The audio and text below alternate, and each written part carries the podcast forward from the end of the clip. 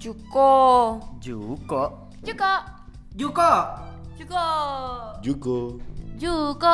Juko. From jurusan komunikasi Binus University.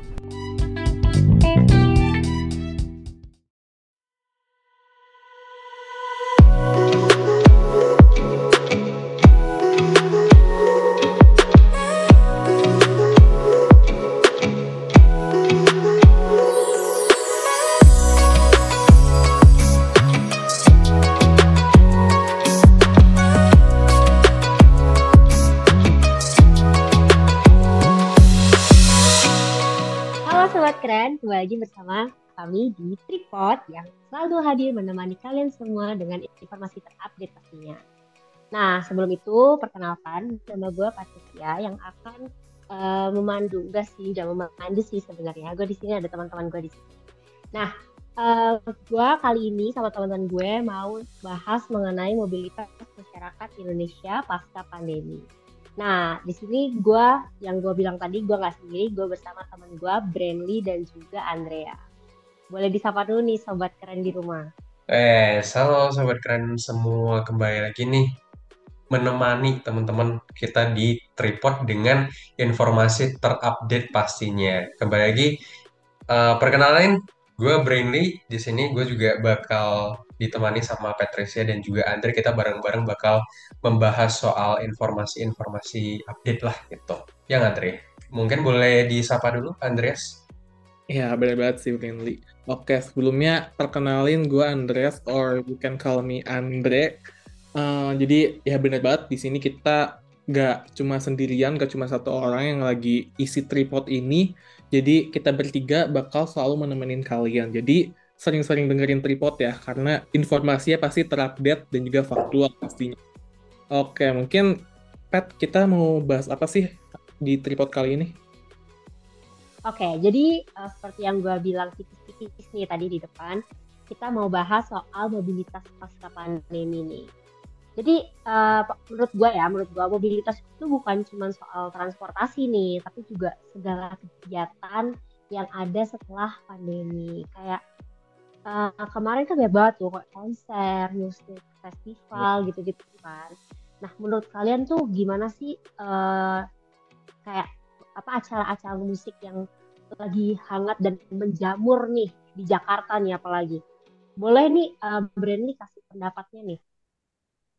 Oke, kalau dari gue ya sebenarnya karena PPKM kita juga, eh masih ada PPKM nggak sih? Harusnya udah enggak ya.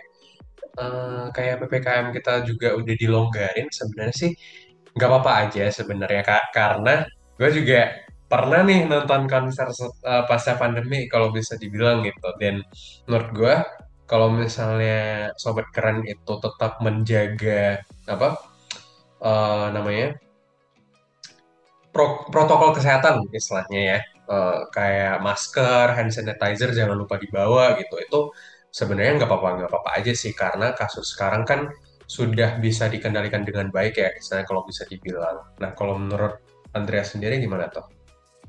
Ya, eh, sebenarnya sih eh, mungkin gue agak curhat dikit kali ya. Sebenarnya harusnya sih gue juga bisa nih nonton konser pasca pandemi, tapi karena ada sal- satu kesalahan dari promotornya tuh jadi gue kayak agak di cancel gitu tuh konser. Jadi gue nggak bisa mempunyai pengalaman nonton konser di pasca pandemi. Tapi gue tuh pernah denger-dengar berita kalau ada konser eh, konser-konser tuh udah banyak banget nih di Jakarta, di Indonesia terutama. Hmm. Jadi kayak eh, gue nggak mau sebut merek, jadi ya di konsernya kayak ramai banget gitu loh. Jadi sampai bariket saya tuh loh jatuh, terus pokoknya Hmm. mereka tuh kayak belum apa ya, belum teratur gitu. Walaupun awal-awal emang teratur, tapi pas udah mendekati akhir tuh kayak langsung chaos gitu loh. Jadi mungkin eh, oke mereka patuhin protokol juga, tapi jangan lupa patuhin kayak peraturan-peraturan konser gitu loh. Jadi jadi itu emang udah satu paket gitu. Jadi jangan cuma fokus protokol kesehatan, tapi juga fokus ke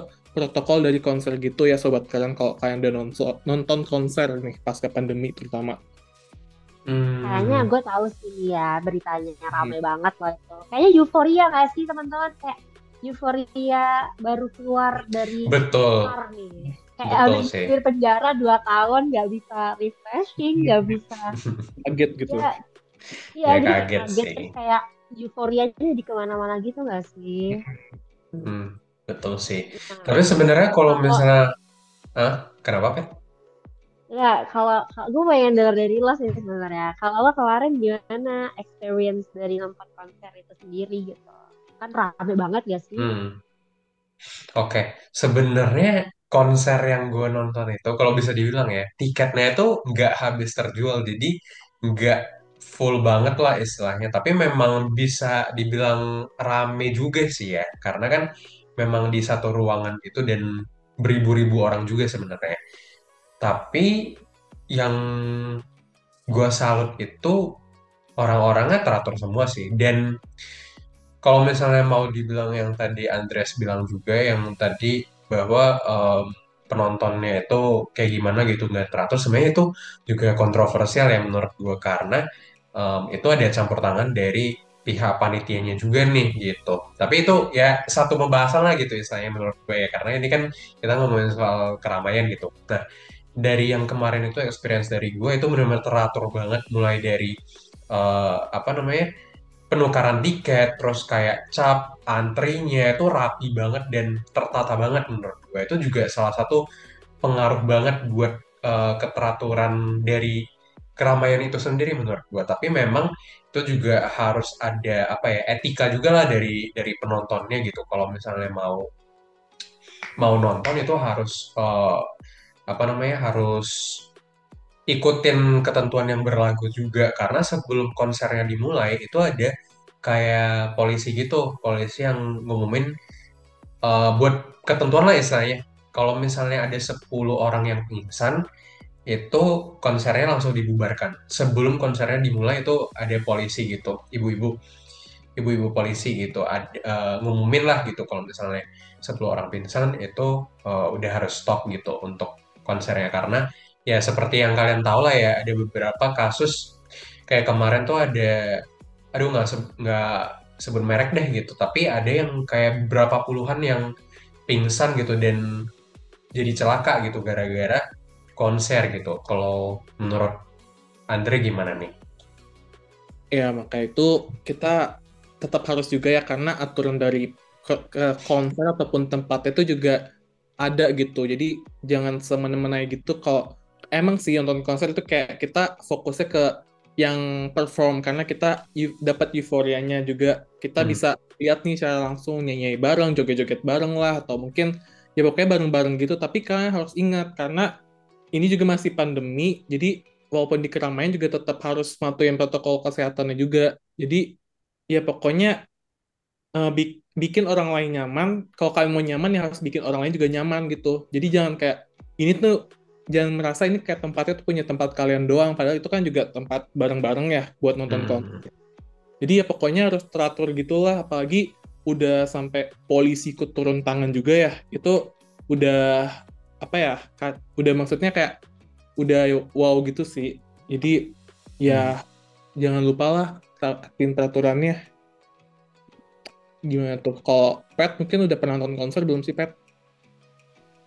Sadly belum sih kalau gue. Tapi eh, untuk keramaian-keramaian nih, selain konser, musik festival, ada juga nih yang rame nih guys. Tapi bukan bukan acara gitu ya.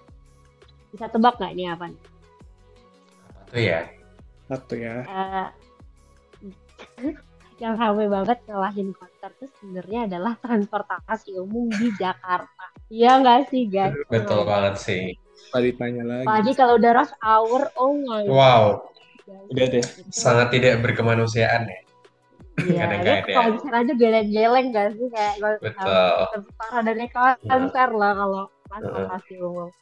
Gue pengen tahu sih pengalaman kalian di transportasi umum nih. Boleh dari Andreas gue nggak nih kita chat gitu soal transportasi umum. Oke, oke dari gue ya.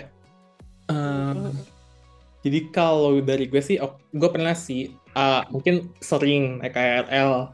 Jadi kalau misalnya kalau dari kota gue tuh kan Tangerang, itu masih oke lah, lumayan agak sepi tapi tetap rame. Nah itu pas udah di Duri, itu udah deh kayak ketemu dari kota mana dari mana itu buset dah rame banget kayak ini orang dari habis pulang kerja atau kayak mau pergi kerja nih kayak nggak bisa ketebak gitu. Apalagi di rush hour gitu kan. Jadi kayak stasiun apa kereta sana turun kita juga turun. Jadi kayak bertemu gitu loh. Jadi kayak tabrakan banget. Habis itu uh, gue juga pernah nih ini stasiun yang terkenal kayak agak bikin tes ini uh, apa kayak ini orangnya teman kita atau bukan kayak ini udah terkenal sih yaitu stasiun Manggarai. Itu gue pernah ke sana hmm. kali.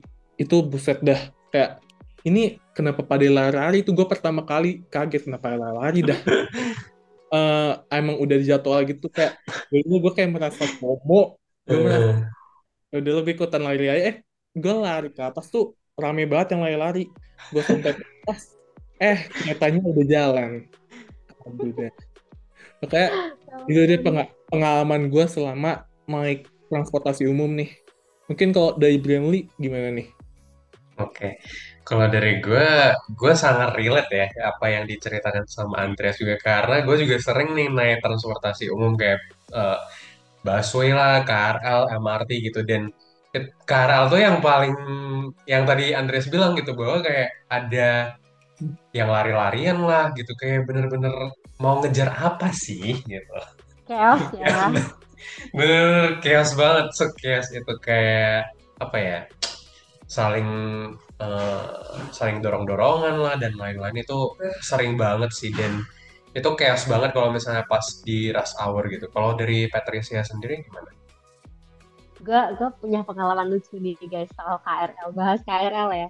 Gue kemarin uh, rektor Cup Binus gue ini gue kan ke Alsut kan sama teman-teman gue gue tuh baru banget pertama kali naik KRL kayak kayak kata Andre gue waktu transit di Duri tuh gue nggak ngerti gue harus gimana. Dan itu gue waktu naik tuh kayak didorong kayak woi naik woi dan ibu-ibunya tuh bener-bener kayak jalan jalan gitu. Tapi di eskalator kayak itu sama sih eskalator yang bisa cuma muat dua orang tuh kayak penuh pakai banget. Dan gak ada gak ada selak kayak bener-bener manusia semua gitu loh terus waktu gue udah sampai di stasiun mana ya tanah tinggi kalau nggak salah masa temen gue ketinggalan coy. Kacau deh. Dia bener-bener ketinggalan terus dia kayak nggak tahu kan harus gimana. Kayak udah deh dia turunnya di Tangerang. Sih parah banget lah.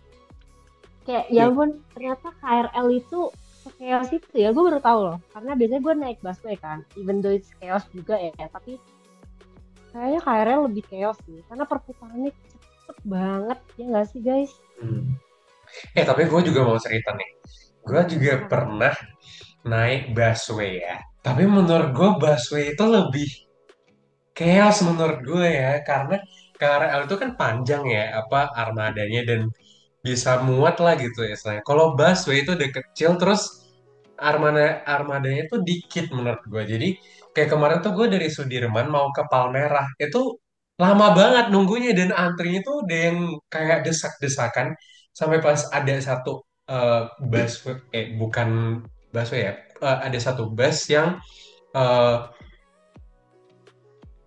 nyampe nih gitu de, uh, untuk Sudirman ke Palmerah gitu pas hmm. gua masuk eh bener-bener kejepit gitu gue mau gerak aja nggak bisa bener-bener Wah, itu sih chaos banget menurut gue. Dan napas aja susah gitu. Kalau misalnya KRL itu masih sebenarnya uh, apa tingkat chaosnya itu beda-beda sih ya menurut gue. Ya. Hmm. Tapi kalau misalnya benar rush hour itu ya memang agak kurang manusiawi ya kalau menurut gue ya. Jangan, di, jangan dicoba nggak sih? Jangan ya. dicoba nggak sih?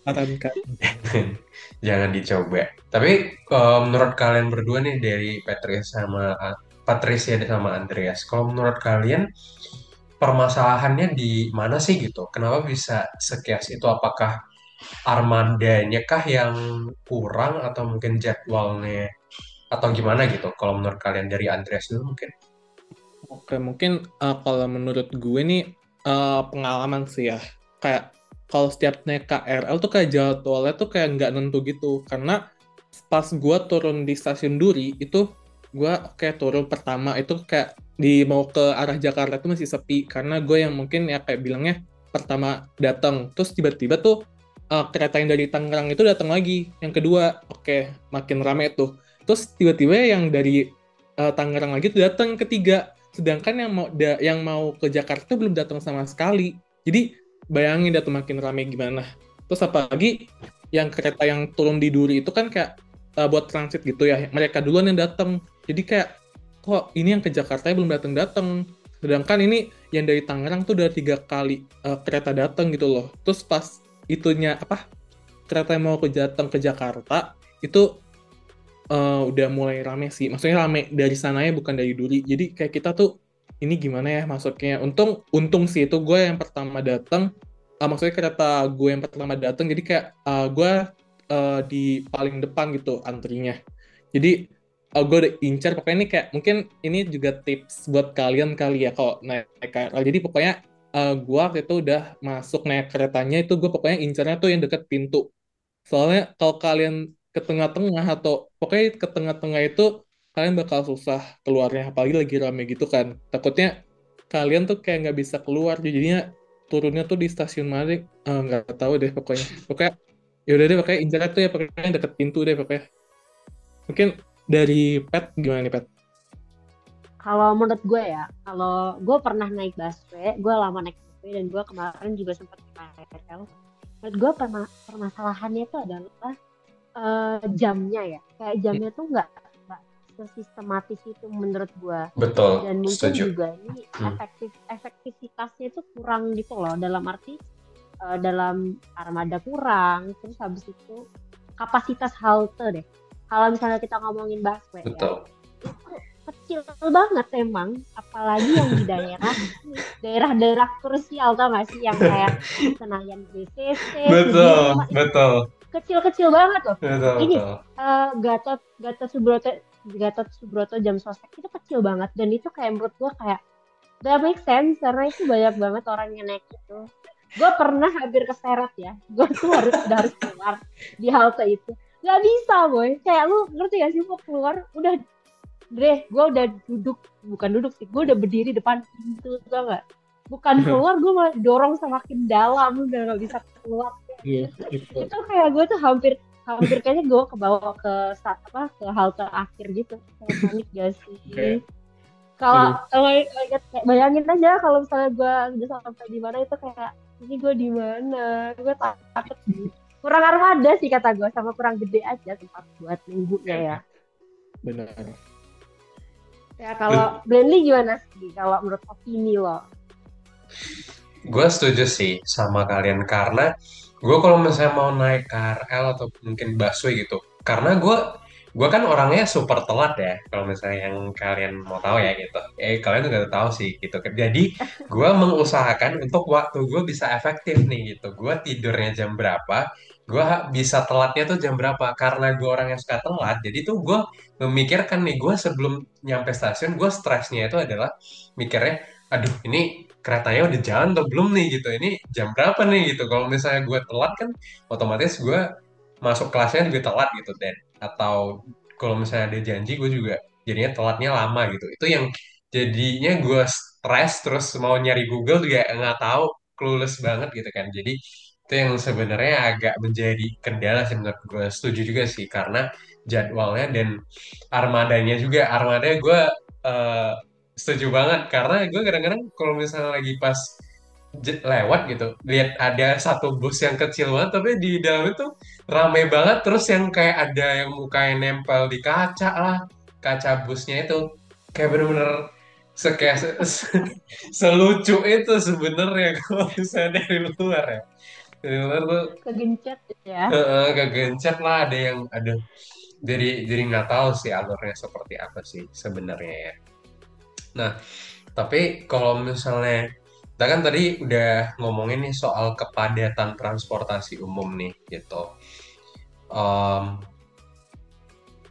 terus sebenarnya juga ada satu lagi nih transportasi umum yang um, bisa menjadi pembahasan dari kita juga yaitu transportasi jarak jauh gitu transportasi umum jarak jauh itu kayak pesawat lah kereta api lah mungkin kapal juga ada gitu yang pernah hmm. kalian uh, ikut gitu ya istilahnya atau kalian tumpang gitu ya istilahnya.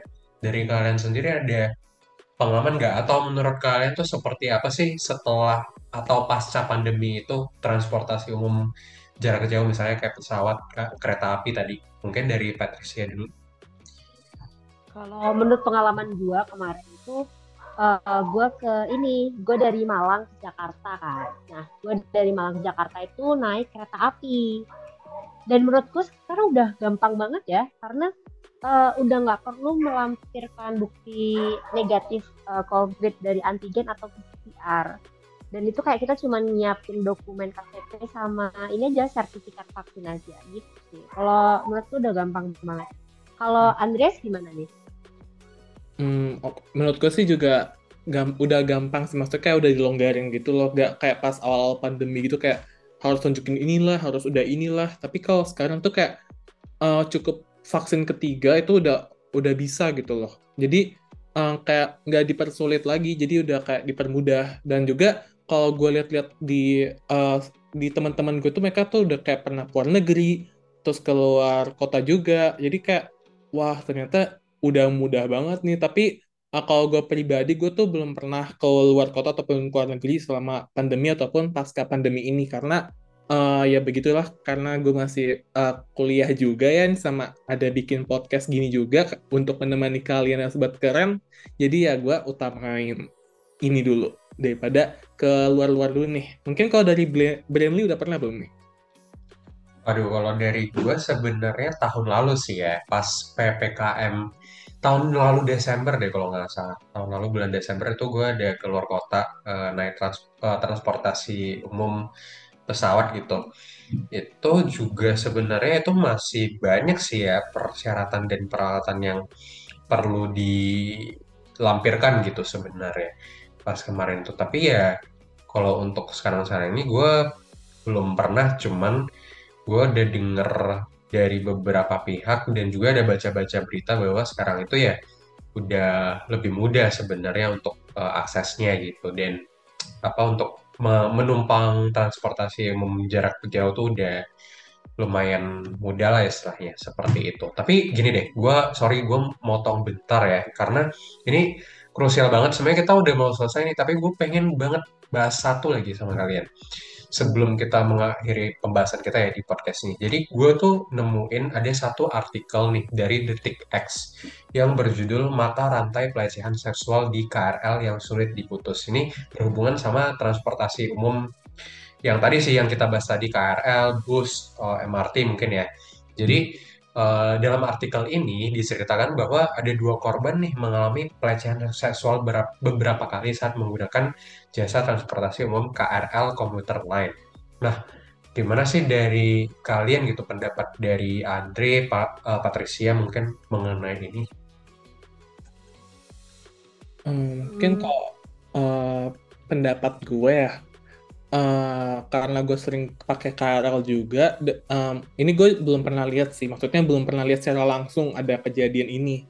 Tapi uh, karena uh, ada kayak kasus ini tuh, jadi kayak pihak KRL-nya itu kayak bikin gerbong khusus wanita juga ya. Jadi kayak mungkin karena korban paling banyak persennya itu ya adalah wanita, jadi dibikin tuh gerbong wanita. Jadi wanita, eh, wanita ataupun perempuan tuh bisa uh, ke gerbong tersebut untuk merasa mungkin merasa lebih nyaman atau mungkin merasa lebih aman juga di apalagi kereta ini kan rame juga ya apalagi kalau lagi rush hour juga walaupun juga uh, korbannya itu bisa juga dari laki-laki juga jadi uh, menurut aku nih uh, kasus yang apa ya kayak harus orang-orang tuh butuh sadar gitu kalau kasus pelecehan ini itu emang ada dan juga sebenarnya itu bukan salah korban tapi karena ya dari pelakunya itulah kayak pikiran-pikirannya yang kayak gitu-gitu.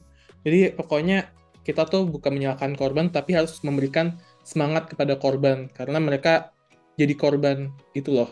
Jadi kayak bukan salah mereka, jadi bukan salah dari pakaian mereka atau mungkin salah dari perilaku mereka yang mungkin yang mengundang padahal mereka cuma diem-diem aja. Tapi ya pikiran kotor itu aja sih yang dari pelakunya itu aja. Mungkin dari pet gimana? Mungkin udah pernah secara langsung atau mungkin gimana? Uh, kalau gue, gue sebagai wanita nih ya, ini gue hmm. menyuarakan gitu kan.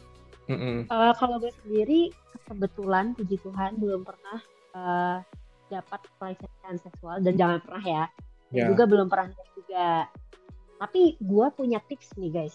Eh gue gue tuh orang yang kalau pakai baju itu tidak ketat gitu ya. Ini gue bukan menyalahkan pakaian wanita ya, Hmm. apalagi terhadap eh, pelecehan seksual yang ada di transportasi ini.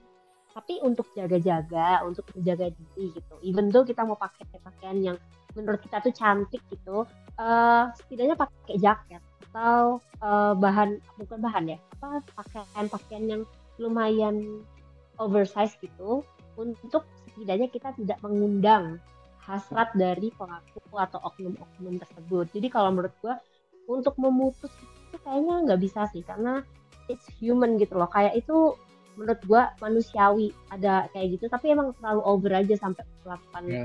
pelecehan gitu ya. Jadi kayak dari kita mungkin para wanita yang banyak korbannya itu mending kita mencegah daripada kita sudah terjadi gitu ya jangan sampai jadi kita lebih baik mencegah gitu sih kalau menurut gue. kalau Brandly gimana Brand?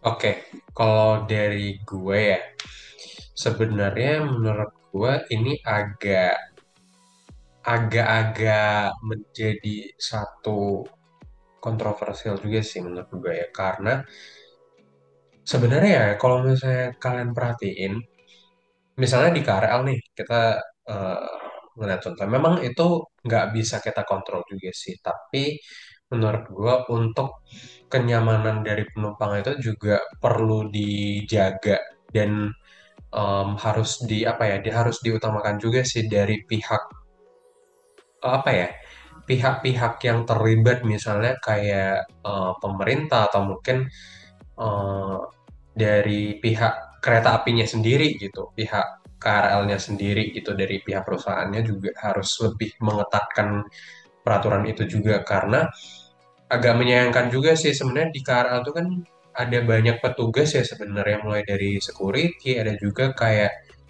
uh, cleaning service juga gitu. Jadi itu juga bisa ditingkatkan juga untuk kualitasnya kalau menurut gue sih seperti itu sih ya. Jadi ya itu memang agak agak apa ya agak perlu dijaga juga lah gitu. Uh, apa untuk kualitas pelayanannya lah istilahnya kayak gitu. Menurut gue sih kayak gitu. Benar-benar. Oh, sebenarnya kita udah hampir setengah jam juga sih untuk eh, pembahasan kita ini ya. Sebenarnya banyak banget lah untuk pembahasan mobilitas masyarakat pasca pandemi itu benar-benar banyak banget. Belum lagi kita belum bahas soal Itaewon ya yang gara-gara keramaian itu menyebabkan banyak kematian massal juga gitu. Terus yang kayak Kanjuruhan juga kemarin tragedinya itu em, sedih banget menurut gue banyak banget sih mobilitas masyarakat yang sebenarnya bisa masih bisa kita gali lagi dan kita belajar juga dari sana kan karena tujuan dari tripod ini kan kita saling berdiskusi tapi kita juga saling belajar nih apa ki- kira-kira pelajaran yang bisa diambil dari eh, suatu pembahasan gitu kan itu tujuan dari tripod juga. Nah akhirnya kita udah sampai nih pem- akhir pembahasan kita dan juga penghujung lah istilahnya dari podcast kita ini tripod. Gak terasa banget ya Patricia, eh, Andreas kita udah hampir setengah jam loh sebenarnya. Nah, Juga, Kak. nggak terasa banget. Nah, kira-kira apa nih kesimpulan yang bisa diambil dari pembahasan kita ini dari Andreas dulu mungkin? Oke, mungkin kalau untuk episode kali ini karena mungkin gue ambil dari topik besar ya, kayak mungkin keramaian ini topik besar. Jadi kalau menurut gue sih karena mungkin ini juga udah kayak dilonggarin juga PPKM-nya, jadi kayak kita tuh agak mungkin ada muncul rasa euforia atau mungkin kayak shock gitu buat ikutin keramaian juga kayak nonton konser, festival musik, terus juga bisa pakai transportasi umum lagi, jadi nggak ada sekat untuk kayak ada jarak gitulah untuk uh, menghindari COVID itu. Jadi cara kesimpulan dari aku jadi pokoknya ini pandemis belum selesai 100%, COVID itu masih ada. Jadi tetap matuhin protokol kesehatan. Uh, gue juga ngerasain mungkin kayak ti- ngerasain tiba-tiba ada konser dan juga gue juga jujur pengen nonton konser. Tapi tetap juga jangan lupa protokol kesehatan itu ada peraturan dari promotor konser itu juga ada dan juga kalau kalian pakai transportasi umum pokoknya gunakan itu nyaman kalian dan jangan kalau ada pokoknya ada kayak pelecehan-pelecehan gitu jangan takut jangan sungkan untuk panggil minta bantuan dari siapa pun di terdekat kalian atau mungkin teriak minta tolong itu juga nggak apa-apa. Pokoknya jangan kalian simpan jangan diem aja. Mungkin kalian kaget tapi kalau kalian butuh bantuan teriak aja nggak apa-apa pokoknya. Jadi jangan keep on yourself gitu. Mungkin dari Patricia nih gimana kesimpulannya uh, kalau gue sendiri sih nggak jauh beda ya dari Andreas hmm. uh, menurut gue tetap jaga protokol kesehatan jangan lupa karena kita masih di tengah-tengah uh, pandemi walaupun ini udah pasca pandemi ya tetap dijaga dan juga, dan juga jangan lupa untuk menjaga diri kita sendiri nih dalam bentuk apa pun kejahatan seksual kah atau kejahatan-kejahatan lain gitu jangan sampai jangan sampai terjadi pada kita. Dan mungkin itu aja dari podcast kali ini kali ya. Jadi uh, mungkin gue tutup. Boleh ya teman-teman? Boleh boleh. Silakan Pat. Oke. Okay, jadi buat teman-teman sobat keren terima kasih udah nonton uh, udah meluangkan waktunya untuk uh, mendengarkan bahasan kita yang super wah panas ini ya. Random ya. iya dong, random dong. Dan uh, pastinya kita akan kembali lagi di episode episode selanjutnya dan jangan lupa ditungguin ya. Awas aja kalian nggak nonton, nggak like, subscribe ya. Oke, okay, gue tutup ya. Thank you semua. Thank you semua. Gue Brandy, Patricia, dan Andreas. Izin pamit undur diri. Dadah semua. Dadah.